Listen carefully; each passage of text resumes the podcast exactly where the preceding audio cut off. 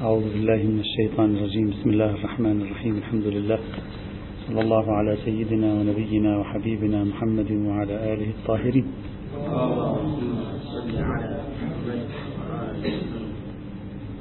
انتهينا من المحور الأول والمحور الثاني من محاور الفصل الأول المخصص للفقه القرآني في باب الأطعمة والأشربة. كان المحور الأول في الخمر والمسكرات والمحور الثاني في قاعدة تحريم الخبائث. ووصلنا إلى المحور الثالث وهو عبارة عن الأطعمة أو الأشربة الخاصة التي ورد النص عليها في الكتاب الكريم. ذكرنا الآيات الأساسية أربع آيات قرآنية في هذا المجال ثم بدأنا بتحليلها ودراستها. قلنا سندرسها على خطوات أولا ثانيا ثالثا رابعا. أولا تحليل معنى الأعيان المحرمة الوارد ذكرها في هذه الآيات. بدأنا بالميتة بفتح الميم.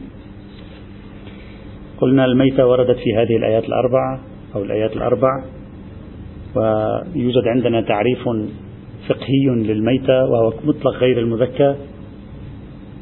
يرتب عليه الفقهاء حرمة الأكل ورتبوا عليه مانعيته في الصلاة ورتبوا عليه النجاسة وإلى آخره. وذكرنا وجهنا لأنفسنا سؤالا هل الميتة المرادة في هذه الآيات القرآنية هي المعنى الفقهي للميتة الذي هو معروف بين المتأخرين بشكل أوضح أو لا؟ طبعا بين مشهور المتأخرين لأن بعضهم أيضا عنده نقاش حتى فقهي. مثلا الشيخ يوسف الصانعي رأيه الفقهي أن الميتة نجسة لكن الميتة النجسة هذا بالرسالة العملية يعني لا أدري ما هو بحثه. لكن الميتة النجسة ليس مطلق غير المذكر عنده. فقط ما مات حتف أنفه. هو عنده. الميتة النجسة هو ما مات حتف أنفه فقط. أما غير المذكى ليس نجسا. هو ليس مانعا عن الصلاة أيضا.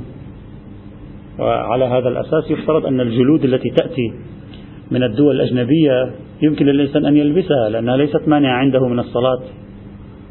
لأن المانع من الصلاة فقط جلود الميتات والميتات هي ما مات حتف أنفه. يعني هو من الفقهاء الذين قالوا بأن الميتة حتى في الفقه هي بالمعنى غير الخاص إنما هي بالمعنى اللغوي ورتب عليها آثارا. وهذا يعد عادة مخالفا للسائد والمشهور باعتبار أن عندهم أدلة من الحديث على التوسعة على إعطاء أحكام على أي حال فقلنا لا بد أن نسأل أنفسنا سؤالا ما المراد من الميتة في القرآن؟ هل الميتة الفقهية أو ميتة بمعنى آخر؟ ادعينا أن الميتة في القرآن الكريم هذا ادعاؤنا أن الميتة في القرآن الكريم يقصد منها ما مات حتف أنفه فقط وعلى أبعد تقدير ما لم يذبح. لا ما لم يذبح على الطريقة الشرعية. فالقرآن لم يحرم المذبوح على غير الطريقة الشرعية. هلا إذا حرام يكون حرام بدليل السنة. هذا بحث آخر. مرحلة أخرى. وقلنا لنا على ذلك شواهد. لنا على ذلك شواهد. الشاهد الأول. قلنا هذا أول شاهد كان أن كلمة الميتة في القرآن الكريم لما استخدمت استخدمت إلى جانبها موارد. لو كان المراد من الميتة المعنى الفقهي لكانت تلك الموارد مندرجة في الميتة. فنفس ذكرها في عرضها قرينة على أنها مغايرة لها. طبعا نحن الآن لا نأتي بكل واحد على حدة دليلا. المجموع الشواهد هي الدليل. المرجح أو الذي يجعلني أدعي أن القدر المتيقن من الميتة في القرآن هو هذا فقط. وذكرنا بالأمس شيء يتصل بهذا. طبعا عندما نقول ميتة فقط تعليقا على مداخلة الشيخ بالأمس حتى نوضح مرادنا الميتة بمعنى ما يقابل الحي لا أحد يناقش فيها في اللغة العربية موجودة. لكن ادعاؤنا أن في اللغة العربية تعبير الميتة بمعنى خاص وهو عبارة عن ما مات حتف أنفه. هذا هو محل الادعاء. لا أن كلمة الميتة لا تطلق على كل ما قابل الحي تطلق بالتأكيد في اللغة العربية. هذا لا نقاش فيه عند أحد. هذا كان الشاهد الأول. الشاهد الثاني. قلنا لو أتينا إلى آية سورة المائدة بنفسها. في آية سورة المائدة لدينا ثلاث شواهد في داخل هذه الآية على تعزيز فكرة أن المراد بالميتة خصوص ما مات حتف أنفه الشاهد الأول أن الميتة هذا ذكرنا بالأمس أيضا وضعت في مقابل الميتة وضعت في مقابل ما مات يعني ما ذبح بدون ذكر اسم الله عليه. فلو كان المراد من الميتة مطلق غير المذكى لكان ما ذبح باسم غير الله عليه ميتة. مع ذلك الآية فصلت. هذا أول فصل فصلت الآية. فصل ثاني. الآية قالت حرمت عليكم الميتة والدم ولحم الخنزير وما أهل لغير الله به. والمنخلقة والموقوذة إلى أن قال إلا ما ذكيتم. إلى أن قال إلا ما ذكيتم قيد إلا ما ذكيتم. إلى أين يرجع؟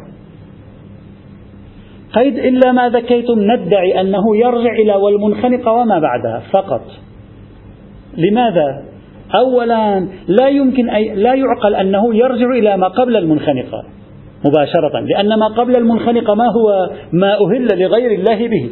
وما أهل لغير الله به يعني ما ذبح لغير الله. فكيف يقول ما ذبح لغير الله حرام إلا ما ذكيتم؟ هو ذبح خلاص ذبح. نذبحه مرة ثانية لا معنى لذبحه مرة ثانية. لا معنى أن يقول ما أهل به لغير الله أي ما قدم لغير الله من القرابين. هذا حرام إلا ما ذكيتم. إلا ما ذكيتم ما معنى إلا ما ذكيتم؟ وذبح انتهى بعد يعني إلا ما ذبحتم أو إلا ما ذكيتم الزكاة الشرعية لا معنى له انعدم الموضوع. ذبح وانتهى. فتريد أن تذبحه مرة ثانية ذبحا شرعيا قد ذبح أصلا انتهى. لذلك إلا ما ذكيتم لا يعقل أن ترجع إلى ما أهل لغير الله به. وأيضا لا يعقل أن ترجع إلى الميتة التي في مطلع الآية. لماذا؟ لأن الفاصل يكون كبيرا. لأنه سيصبح المعنى هكذا. حرمت عليكم الميتة. الآن افتح جملة معترضة. لا علاقة لها. والدم ولحم الخنزير وما أهل لغير الله به.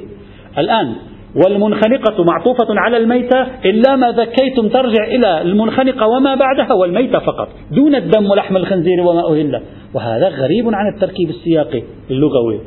هذا غير معقول أن تكون إلا ما ذكيتم. راجع إلى المنخنقة وما بعدها وراجع إلى كلمة موجودة ما بين المنخنقة وما بينها يوجد ثلاث كلمات ثلاث عناوين وهي الدم ولحم الخنزير وما أهل لغير الله. يعني كأنما الآية قالت هكذا حرم عليكم الدم والخنزير وما أهل لغير الله. نقطة. وحرمت عليكم الميتة إلا ما ذكيتم. وهذا أيضا غير معقول بل إذا كانت حرمت عليكم الميتة إلا ما ذكيتم وإذا كانت الميتة بمعنى غير المذكى فإلا ما ذكيتم ما معناها؟ فيعني ما أنت تقول الميتة معناها غير المذكى. فيعني يقول معنى الآية هكذا حرم عليكم غير المذكى إلا ما ذكيتم. هذا لا معنى له. إذا هذا يؤكد أن كلمة وما أهل لغير الله به منفصلة عن كلمة الميتة. وكلمة المنخنقة والموقوذة إلا ما ذكيتم منفصلة عن كلمة الميتة. إذا ماذا أصبح معنى كلمة الميتة؟ وإذا كانت كلمة الميتة بمعنى غير المذكى ثم غير المذكى يشمل ما أهل لغير الله به. ويشمل المنخنقة ويشمل الموقوذة ويشمل المتردية. فما معنى حينئذ أن تقول لي الميتة هي عبارة عن كل هذه؟ الأقرب حينئذ أن نأخذ الميت بمعناها الأخص الذي هو عبارة عن ما مات حتف أنفي هذا أيضا شاهد إضافي ثان في الآية. شاهد ثالث. الآية بعد ذلك قالت وما ذبح على النصب. النصب سيأتي معنا ما معنى وما ذبح على النصب بالتفصيل. قضايا النصب التي كانت في مكة والتي كانت في يعني تقديم نوع من تقديم الذبائح للأصنام. سيأتي معنا شرحها. وما ذبح على النصب. وما ذبح على النصب. ما هو هذا غير مذكر. هو هذا غير مذكر.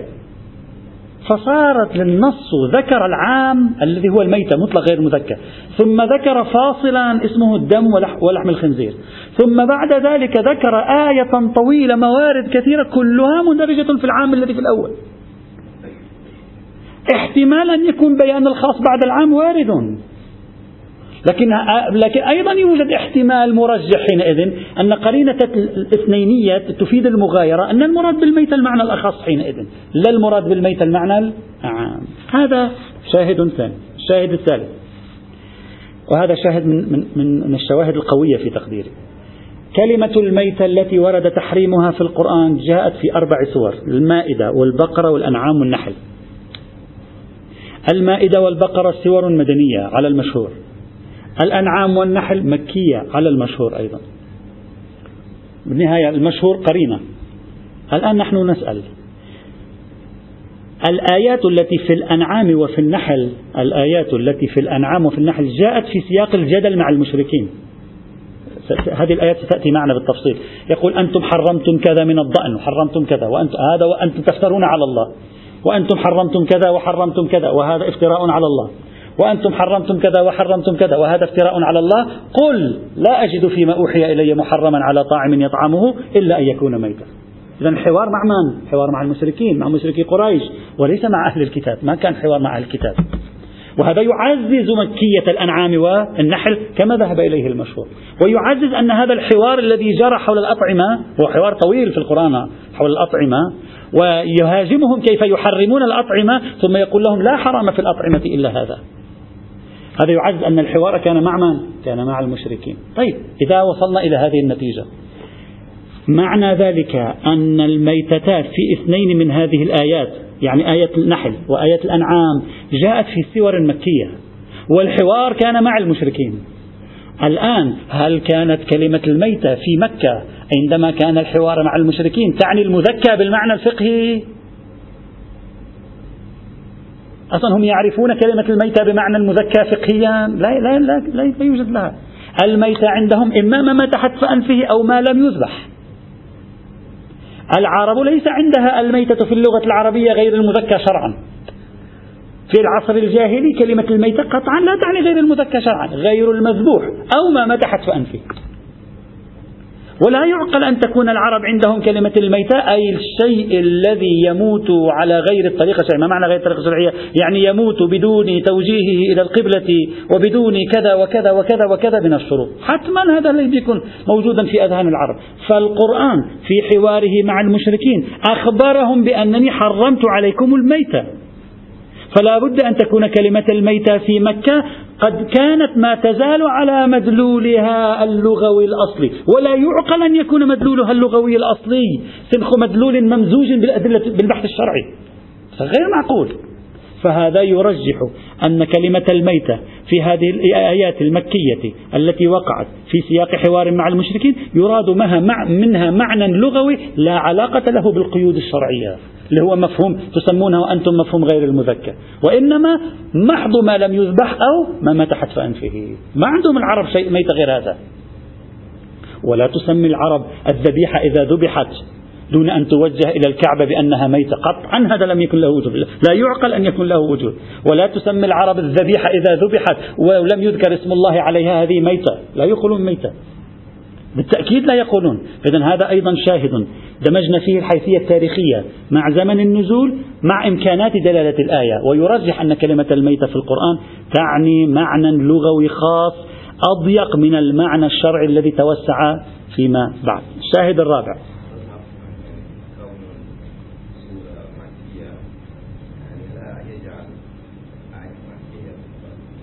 لا يجعل الآية. قلت أنا رجحت شيخنا أنا قلت بأن ما يرجح أن هذه الآيات مكية أنها وقعت في سياق حوار مع المشركين. لم تقع في سياق حوار مع أهل الكتاب في قضايا الأطعمة والأشربة. إحنا الآيات القرآنية جزء منها في باب الأطعمة والأشربة. تتعرض لأهل الكتاب جزء منها مع المشركين. أصلا لا يتكلم مع أهل الكتاب يتكلم مع المشركين. وهذا يعزز أن هذه الآيات أن تكون مكية.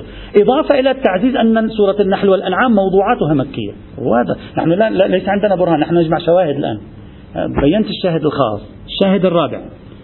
وهو عبارة عن مجموعة معطيات لغوية. الشاهد الرابع هو مجموعة معطيات لغوية.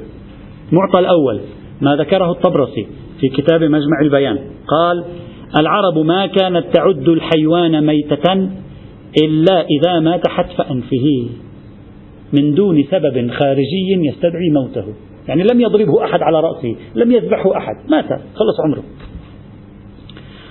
هذا شاهد يعني مجموعة معطيات لغوية الآن سوف نشير إليها ستؤكد الفكرة. المعطى الأول كلام الطبرسي في المجمع. يقول ولهذا ميزت الآية بين الميتة وبين المنخنقة. هذا كلام الطبرسي. لأن المنخنقة ما ماتت بفعل فاعل ولا تسميها العرب ميتة. والميتة ما مات حتف أنفه. فالميتة في الآية شيء والميتة أو المنخنقة التي ماتت بفعل الخنق شيء آخر. هذا شاهد باعتبار أن الطبرسي له مساهمة لغوية. هذا المعطى الأول. المعطى الثاني. لو راجعنا كلمات اللغويين اللغويون قالوا الميتة ما لم تدرك زكاته أو لم يزكى. أنت ستقول لي الآن اللغويون معنا.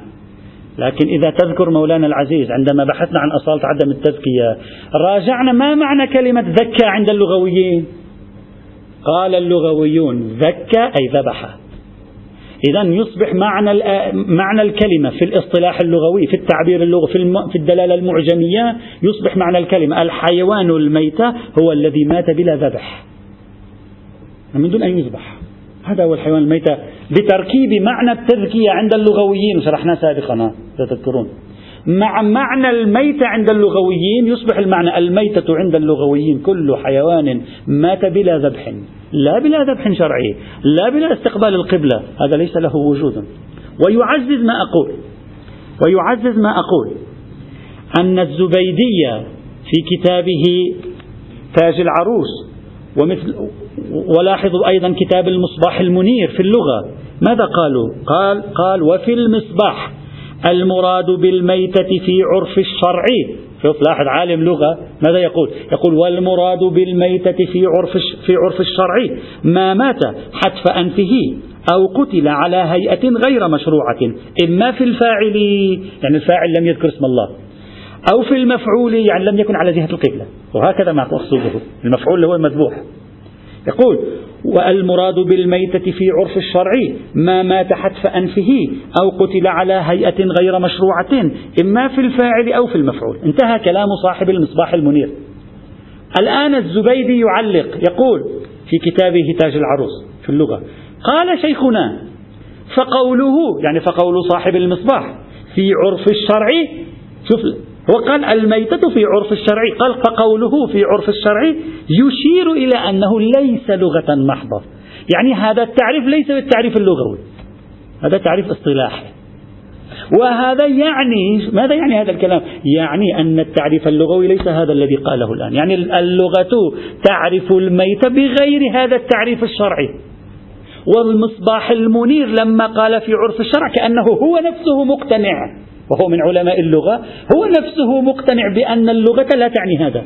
وإلا لو كانت اللغة تعني هذا فلماذا قال الميتة في عرف الشرع؟ وهذا شاهد معجمي أيضا على أن الميتة في عرف الشرع تغاير الميتة في عرف أهل اللغة. والقرآن في المراحل الزمنية الأولى يطلق على عرف أهل اللغة خاصة في العصر المكي. ولا نستطيع أن نجزم بأن كلامه هذا كان على عرف أهل الشرع. نعم فيما بعد في عصر الصادقين عليهما السلام كلمة الميتة صارت تطلق بمعنى أوسع بحث آخر. نحن لا نناقش فيه نحن بحثنا قرآني الآن. لذلك يقول قال شيخنا فقوله في عرف الشرعي يشير إلى أنه ليس لغة محضة ونسبه النووي للفقهاء. إلى آخر كلامه مرادفة وتخصيصا. طيب. بل لمزيد تأييد. سيد مصطفى الخميني رحمة الله تعالى عليه ينسب القول بتعريف الميتة أن المراد منها ما مات حتف أنفه ينسبه إلى أكثر الأصحاب. يقول هذا منسوب إلى عفوا إلى الأصحاب. رغم أن رأيه الشخصي هو أن الميت مطلق الميت حتى المذكر. هو يقول الميتة تعني مطلق الميت حتى المذكر. يسمى ميتة في اللغة وهذا غريب. الميت هو وهذا أيده فيه من؟ أيده فيه محمد سعيد طبطباء الحكيم. أن المراد بالميتة مطلق الميت. حتى المذكى ميتة الميتة حرام. دليل دل على إخراج الميتة المذكات. فصارت حلالا. وهذا في تقديري غريب لغتنا وسنرى أن السيد مصطفى الخميني رأيه على خلاف رأي والده رحمهما الله تماما. بالأمس سبحان الله عثرت على نص للإمام الخميني يعطي نفس الرأي الذي نريد أن نثبته الآن.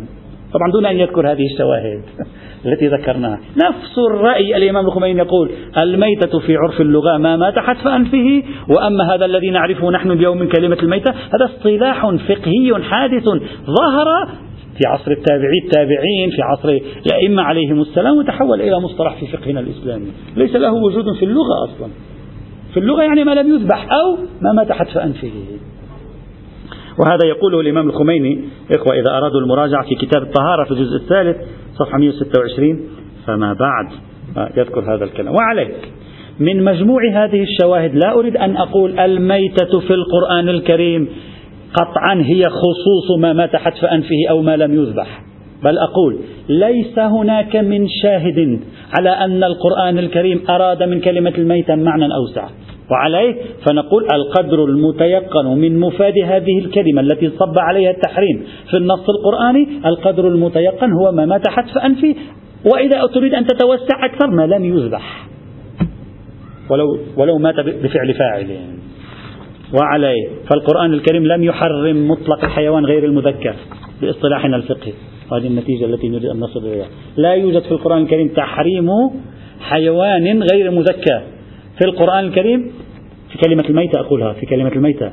في القرآن الكريم الميتة تحريم الحيوان الذي لم يذبح أو الذي مات حتف أنفه على الأرجح هذا العنوان الأول من العناوين الواردة في الآيات. العنوان الثاني الدم. ما معنى الدم؟ ما هو الدم الذي حرمه القرآن الكريم؟ هذا شوي يجب أن نتوقف قليلا هنا. القرآن الكريم واضح في تحريم الدم. وتحريم الدم موجود أيضا في اليهودية كتحريم الميتة أيضا موجود في اليهودية. واليهودية تتشدد كثيرا في موضوع الدم سأشير إلى بعض المسائل لاحقا. والمعروف تاريخيا بحسب شواهد عديدة تاريخية أن العرب كانت تأكل الدم. وكانت طريقة أكلهم للدم كما قلت بالأمس أنهم كانوا يضعونه في المباعر في المعدة والأمعاء. ويخيطونه ثم يشوونه ويقدمونه كأكل فاخر للضيوف. وكان عندهم أسماء أيضا لأنواع الدم الذي كانوا يطبخونه. الدم مع الوبر مع وبر الشعير آه، مع وبر البعير. وكانوا يسمونها العلهز. العلهز وقد ورد التعبير الإمام علي سلام الله تعالى عليه في بعض خطابه المنسوبة إليه أنه كان يندد بالعرب. كيف كانت حالكم قبل الرسول صلى الله عليه وسلم؟ كنتم تأكلون كذا وكذا وكذا وكنتم تأكلون العلهز. والعلهز هو نوع من الدم هو دم يوضع مع شيء من وبر الشعير ويتم آه، طبخه إلى آخره ويؤكل ويأكلونه مرتاحين جماعة يعني. ما عندهم مشكلة في ذلك. القرآن حرم الموضوع. واضح. مقتضى إطلاق الآية تحريم كل دم دم الإنسان دم الحيوان البري البحري حتى الأسماك كذا كل ما يصدق عليه أنه دم المفترض أنه حرام. لكن عندنا مشكلة وهي الآيات القرآنية تقول حرمت عليكم الدم والميتة. الميتة والدم صحيح؟ خلاص مطلق. لكن عندنا آية قرآنية تقول الدم الحرام هو الدم المسفوح. قل لا أجد فيما أوحي إلي محرما على طاعم يطعمه إلا أن يكون ميتة أو دما مسفوحا أو لحم خنزير. ما معنى مسفوح؟ في قصة المسفوح هذه المسفوح في اللغة أي المصبوب المراق. لذلك يقولون رجل سفاح أي يريق الدماء. يعني من ورائه تراق الدماء أشبه من نهر الماشي. فلذلك يعبرون عنه بالرجل السفاح أي المريق للدماء. المسفوح أي المصبوب تصبه صبا. المهراق. ما شئت فعبر. هذا هو الدم المسفوح في اللغة العربية. والعرب فيما يعرف عنها تاريخيا كانت تأكل الدم المسفوح يضعونه في المباعر ويطبخونه. هذا دم مسفوح ليس نقطة. ما معنى دم مسفوح؟ يعني في مقابل نقطة دم. يعني أنت مثلا شفتك آه، مثلا قلعت مثلا شيئا من من من الجلد في شفتك فخرج دم فأخذته بلسانك وابتلعته. هذا لا يسمى في اللغة العربية دم مسفوح. هذا دم. دم مسفوح يجب أن يكون مصبوبا مهراقا تضعه في كوب بحيث يصب مقدار قطرة قطرتين ليس بدم مسفوح. الدم المتخلف في الذبيحة هذا ليس دما مسفوحا. الدم المسفوح عندما تذبح الذبيحة يخرج الدم يسمى بالدم المسفوح. إذا هذه واضحة الآية في هذا المجال. الآن يأتي الإشكال أو يأتي السؤال في هذا السياق. الدم المسفوح حرام بجميع الآيات بإجماع الآيات القرآنية. ما حكم الدم غير المسفوح؟ هل هو حرام أو ليس بحرام؟ ظاهر آية سورة الأنعام أنه حلال. لأنه يقول لا أجد فيما أوحي إلي محرما على طاعم يطعمه إلا أن يكون ميتة أو دما مسفوحا. إذا الدم ليس بمسفوح. النبي ماذا لم يجده في الوحي؟ وهكذا ظاهر الآية. يعني لا أجد حراما إلا الدم المسفوح. ليس بمفهوم الواسط. لا نستند هنا فقط إلى مفهوم الواسط؟ بل نستند إلى تركيبة الآية التي هي استثناء مسبوق بنفي تدل على الحصر. يعني عندي قيدين عندي عاملين يؤديان إلى نفي حرمة الدم غير المسفوح. فآية سورة الأنعام دالة على حلية الدم غير المسفوح. بينما الثلاث آيات الأخرى مطلقة دم. فماذا نفعل في مثل هذه الحال؟ طبعا هذا رح يحل لنا مشاكل. راح يجعلنا نحل مشاكل الذبيحة مشاكل نقطة دم نزلت نقطة دم سقطت في بصرف النظر عن موضوع أكل الدم بوصفه متنجسا. بعدين راح يجي معنا أصلا في دليل على حرمة النجاسات أو لا؟ أكل النجاسات راح يجي معنا هذا البحث. سوف ترى أنه ليس بهذا المعنى الذي أنت تظنه. موضوع النجاسات مبني أكثر ما هو مبني كعنوان مبني عن نظرية الخبائث. سترى هذا البحث إن شاء الله لاحقا. طيب الآن عندي آية واضحة تنفي حرمة الدم غير المسفوح وثلاث آيات مطلقة. مفترض على القاعدة ماذا؟ على القاعدة نقيد واضح. هذه تقول الدم غير المسفوح حلال وهذه تقول مطلقا نقيد هذه فتطلع النتيجة معنا في القرآن الكريم أن الدم الحرام فقط الدماء المسفوحة. أما قطرة دم نزلت في فمك هذه ما ليست مشمولة للتحريم القرآني. إذا في دليل يكون في دليل في مكان آخر في السنة. هذا بحث آخر. من هنا الدماء التي تكون في الذبيحة. القرآن عندما قال الدم المسفوح. هم كان يشير إلى العرب وربما أيضا كان يريد أن يلفت النظر أيضا. ربما أقول يريد أن يلفت النظر أيضا فيما بعد إلى اليهود. اليهود لا يقبلون بأكل الدم حتى غير المسفوح. اليهود يشقون يأتون باللحم يقطعونها بطريقة لها طريقة خاصة حتى يخرج هذا الدم من الشعيرات الدموية الصغيرة. يخرج كليا وإلا لا يأكلون. لا يأكلونه. بينما القرآن قال أنا بس أحرم الدم المسفوح لا أحرم شيئا آخر. امتاز عن اليهودية وصب تحريمه على ما تفعله العرب من أكل الدماء المسفوحة. هنا قد قد نقول أصلا ليس في القرآن اقتضاء تحريم غير الدم المسفوح. والدليل أن آية قل لا أجد فيما أوحي إلي محرما على طاعم يطعمه آية مكية. فالقرآن في مكة قال لا أجد إلا الدم المسفوح حرام. فبعد ذلك لما قال الدم واضح أنه يريد الدم الذي كان أشار إليه في الآية السابقة.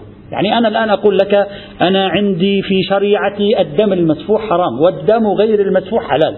ثم بعد يومين قلت يا جماعة انتبهوا الدم حرام عندنا ترى. فتفهم أن مرادي من الدم ذلك الذي كنت قد شرحته لك من قبل. فلما يتلقى العرف كلمة الدم في الآيات اللاحقة يفهم أن مراده ذلك الدم الذي كان قد أوضحه لنا في الآيات السابقة وهو عبارة عن الدم المسفوح فقط وليس مطلق الدم في مثل هذا. أو على الأقل هذه الآية مفهومها الجلي سواء مفهوم وصف مع مفهوم حصر واضح تدل على حلية الدم غير المسفوح. تلك مطلقا نقيد هذه بهذه وينتهي الموضوع. قد تقول لي تقول لي لا شيخنا تلك حرمت الدم المسفوح وهي مكية وفي المدينة الله وسع الدم الحرام جعله مطلق الدم. أقول لك بعيد قليلا لماذا؟ لاحظ معي السياق شيخنا العزيز.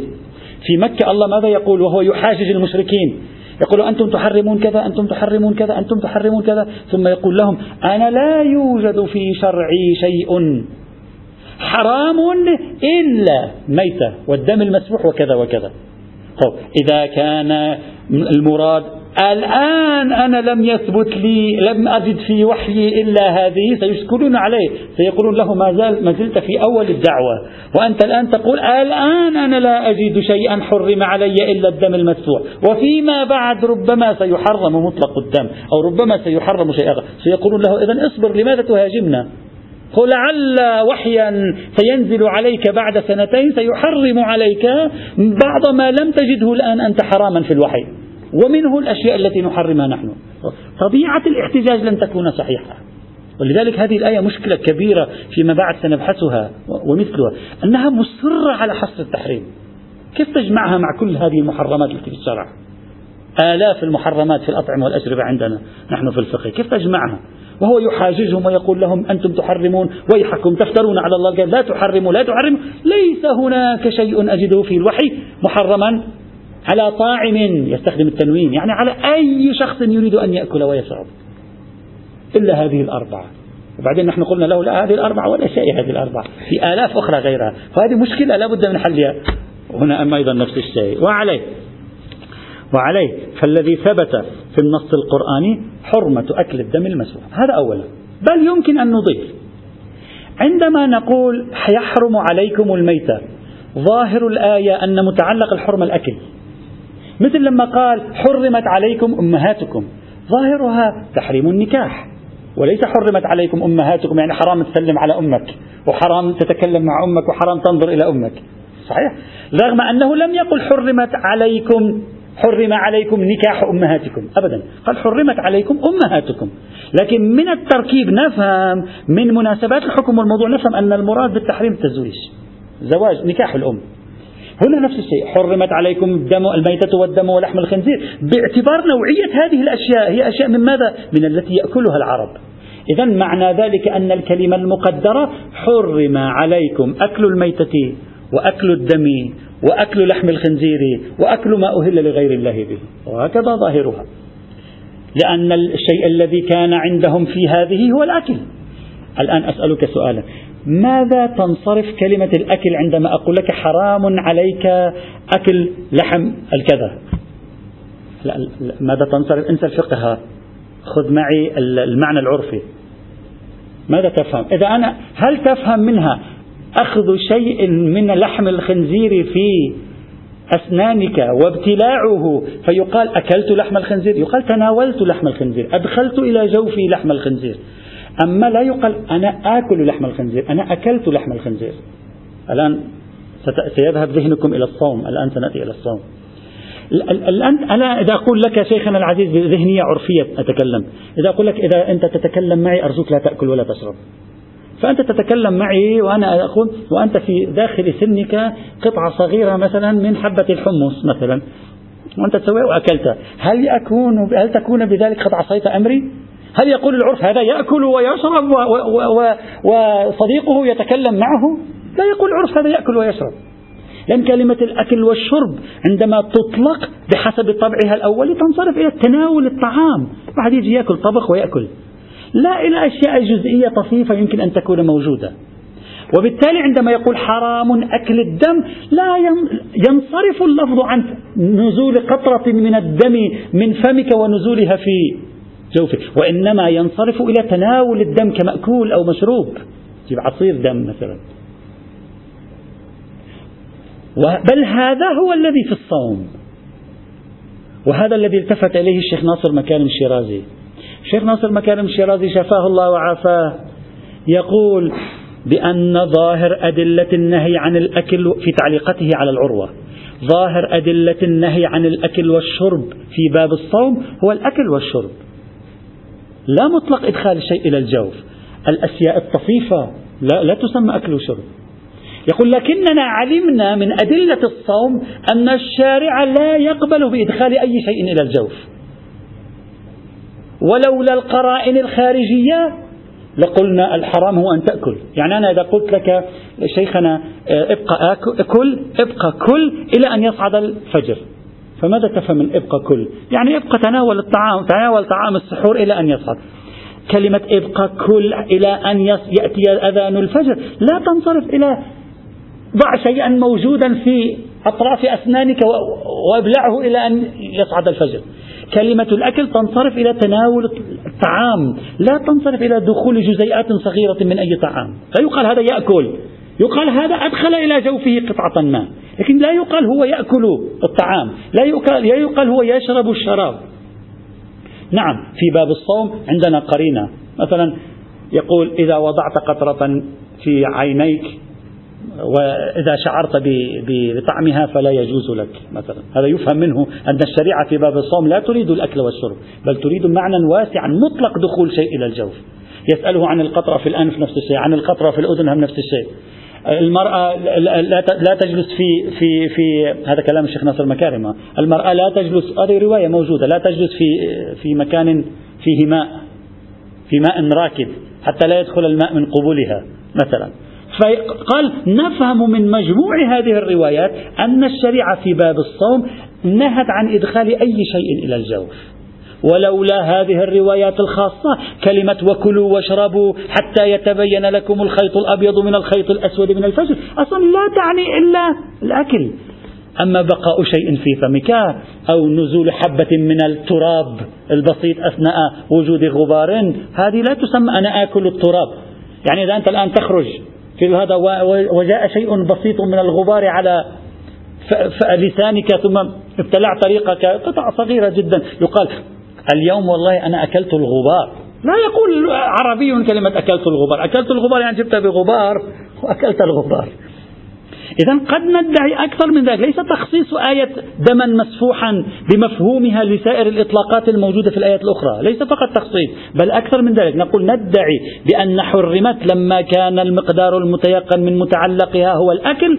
إذا فهذا معناه أن الآية تحرم أكل الدم وأكل الدم منصرف إلى الدم المسفوح لا الدم غير المسفوح. والدم غير المسفوح إذا دخلت قطرة في فمك. لا يقال هذا فلان يأكل الدم.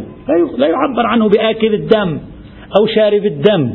هذه الكلمة في اللغة العربية غير موجودة. إذا بهذه الشواهد نفهم أن المقدار الذي حرمه القرآن الكريم من الدم هو الدم المراق المسفوح. لا الذي يكون في داخل الذبيحة ولا القطرة أو القطرتان التي تكون على الفم أو في داخل الفم. ولا القطرة أو القطرتان التي تكون على الطعام تسقط في الطعام. هذه بما هو دم لا دليل قرآنيا على تحريمها. نعم إذا في دليل من السنة بحث آخر. نحن الآن نتكلم في الدليل القرآني كما قلنا في هذا السياق. إذا لا دليل على التوسعة في التحريم. طبعا إذا واحد وضع قطع الذبيحة بحيث خرج منها مقدار من الدم ولو كان هو في داخل الذبيحة لكن خرج بحيث صار كوب ماء شربه لا يجوز. نعم هذا حرام. أما وهو في الذبيحة أكلته نحن كل يوم نأكل دم شيخنا بهذا المعنى. لكن لا يقال لا يقول أحد أنا آكل الدم. كل يوم نحن نأكل دم.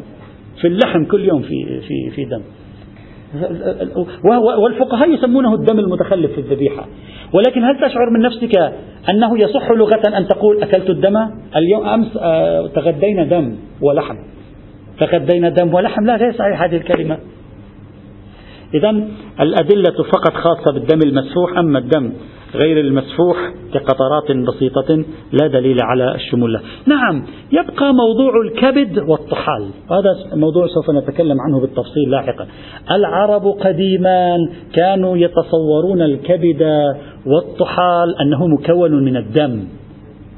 وإذا تلاحظون العرب مثلا الإمام الحسن سلام الله تعالى عليه لما سم لما سمته فقالوا أخرج كبده.